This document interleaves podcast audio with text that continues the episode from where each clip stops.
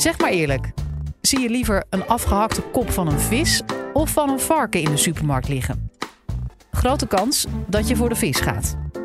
Dierethicus Bernice Bovenkerk van Wageningen University weet hoe dat komt en vertelt je in deze podcast waarom je minder medelijden hebt met een vis dan met een varken. Dit is de Universiteit van Nederland. Laatst zag ik een tijdschrift en dat ging over 50 buitendingen die je moet hebben gedaan voordat je 12 wordt. En op de voorkant zag je een uh, schattig jongetje die heel blij een net zelfgevangen vis vasthield. Toen ik dat zag, toen vroeg ik me af, stel nou dat dat jongetje geen vis had vastgehad, maar een net zelfgeslacht hertje.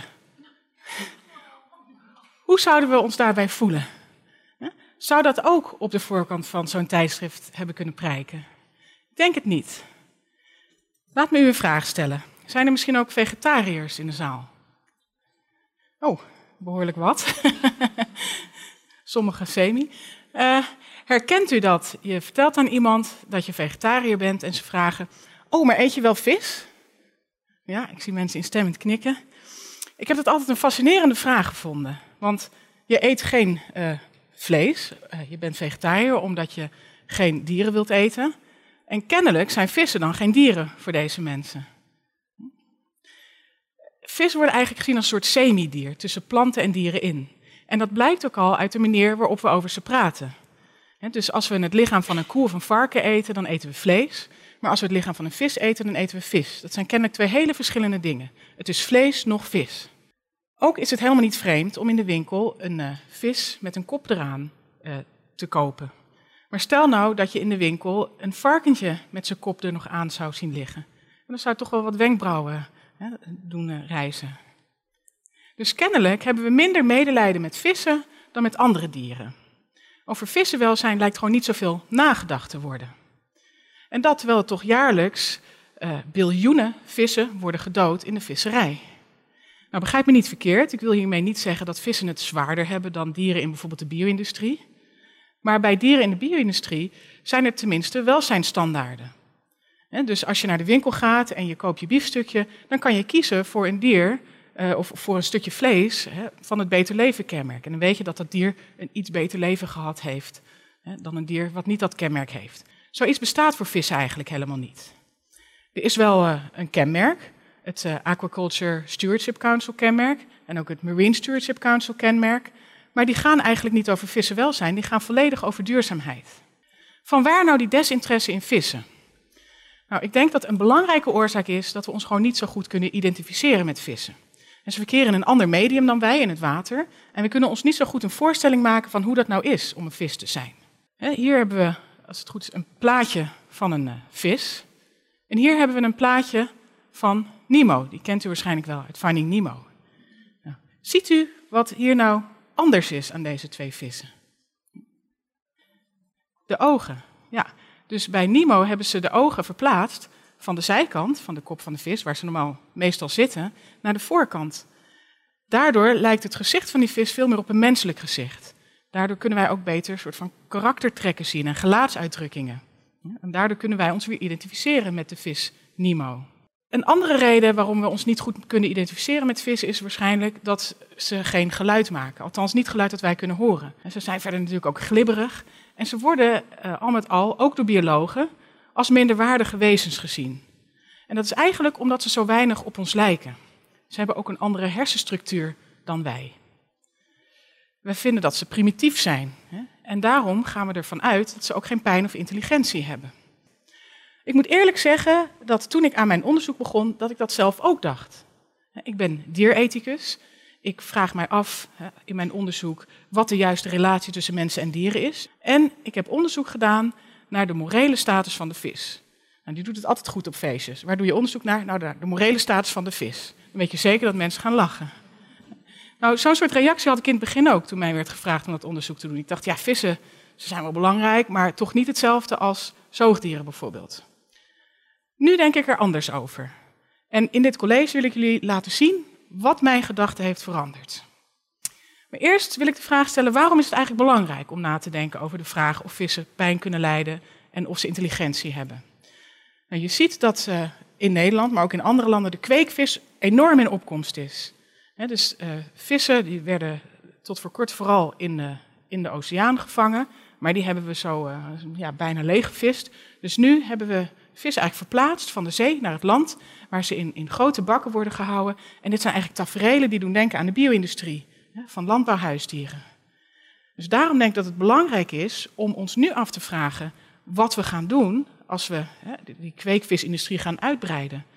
Laten we eerst stilstaan bij de vraag of ze pijn kunnen ervaren. Nou moeten we, moet u weten dat uh, er minstens 35.000 verschillende soorten vissen zijn.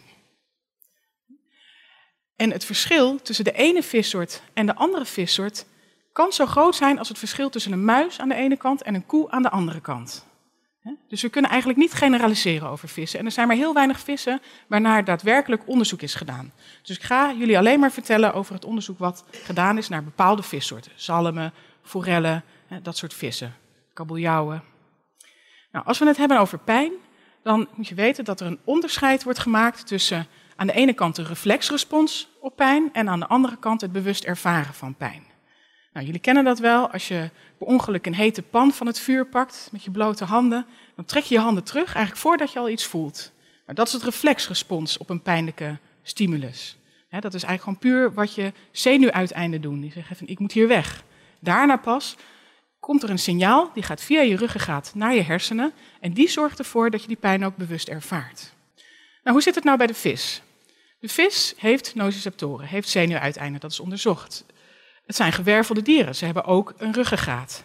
Maar ze hebben een andere hersenstructuur dan mensen. En daarom is eigenlijk tot voor kort altijd gedacht dat ze dus wel geen pijn zullen ervaren. Aan de andere kant, vogels hebben ook een andere hersenstructuur dan wij en dan, uh, dan zoogdieren. Maar daarvan denken de meeste mensen niet dat ze geen pijn kunnen ervaren. En sterker nog, er is allerlei heel interessant onderzoek waaruit blijkt dat vogels, bepaalde vogels als kraaien bijvoorbeeld, ontzettend intelligent zijn.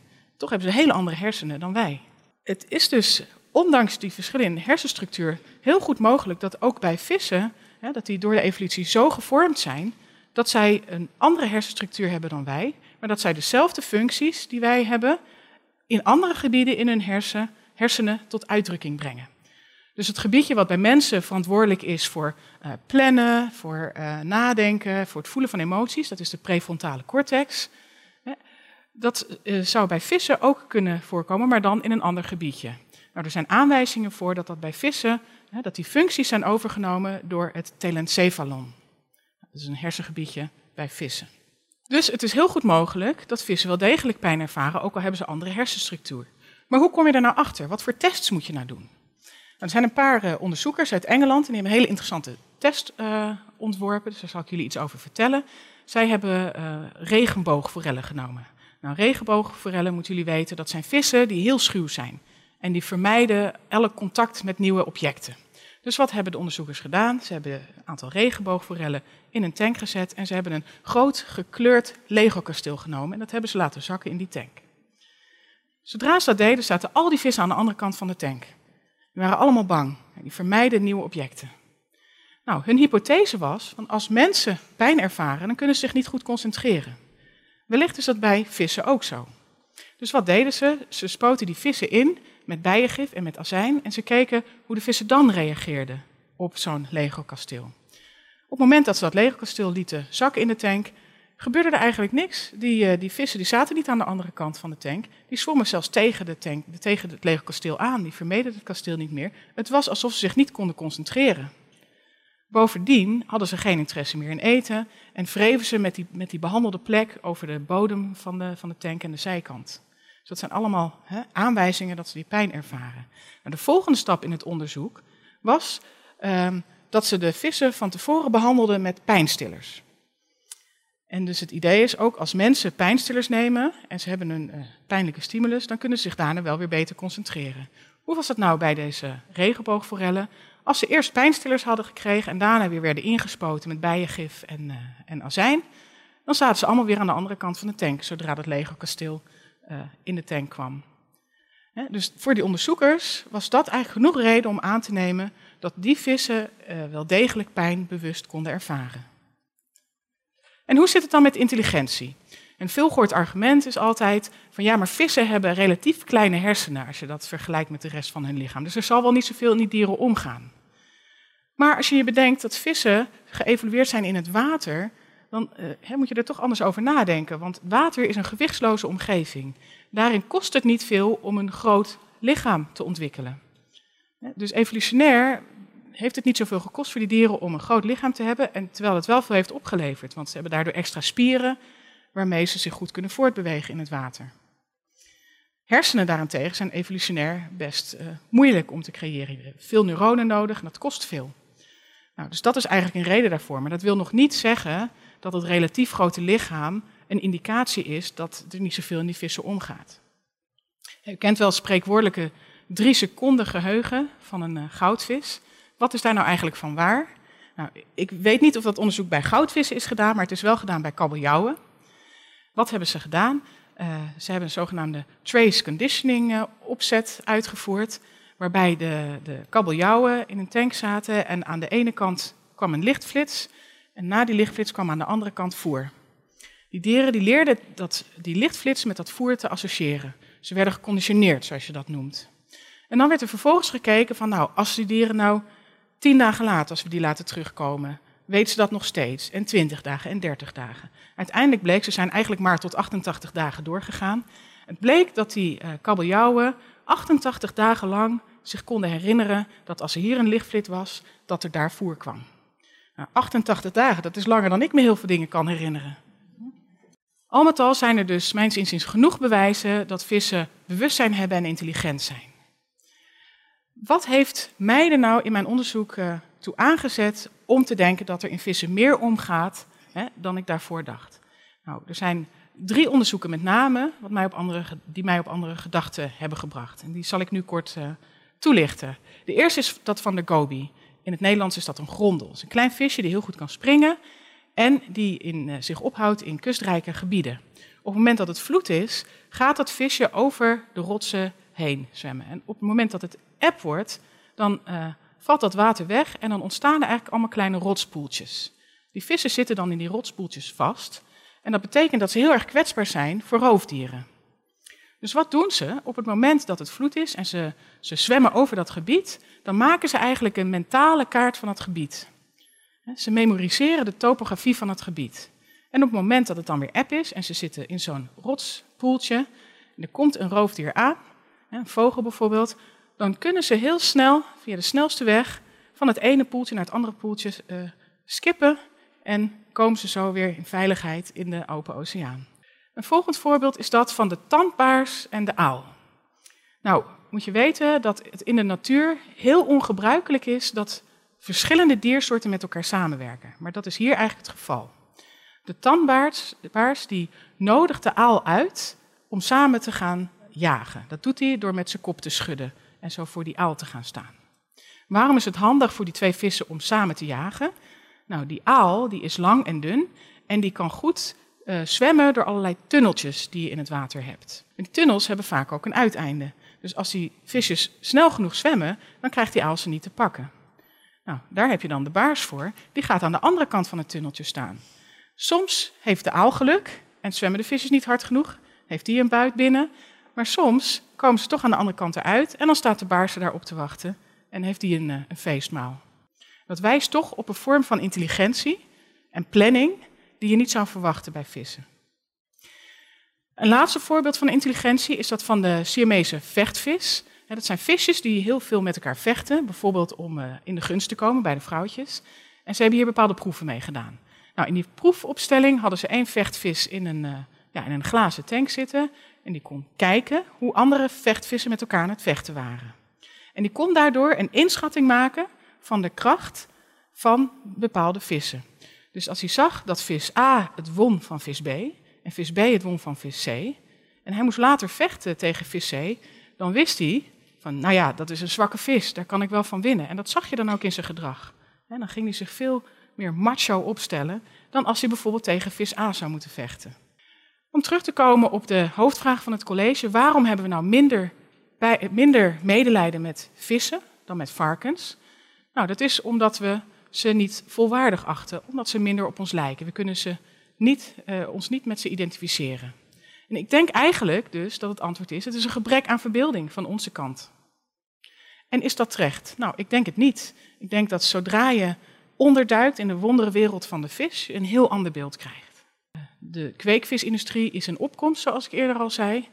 En dit is dus het moment om stil te staan bij het welzijn van vissen. Hoe kunnen we die industrie zo inrichten dat van meet af aan rekening wordt gehouden met wat goed is voor die vissen en niet? Um, dat is eigenlijk uh, de, de lessen die we hebben geleerd van de bio-industrie. Zo willen we het niet aanpakken. Ook kunnen we ons sowieso afvragen of vis eten überhaupt nodig is. Zeker voor ons in Nederland. Ik herinner me nog dat uh, mijn dochter, toen ze twee was, aan tafel zat en op een gegeven moment opeens riep een van haar eerste zinnetjes: Fish are friends, not food. Nou, ze had ongeveer honderd keer de film Finding Nemo gekeken, dus het was duidelijk waar dat vandaan kwam. Maar toen ik mijn onderzoek deed, toen dacht ik, stond ik daar vaak bij stil. Ik dacht, ja, als we nou, hè, wetende wat we nu weten over vissen, als we meer naar vissen zouden kijken als vrienden en minder als voedsel, hè, dan zouden we daar denk ik allemaal bij gebaat zijn.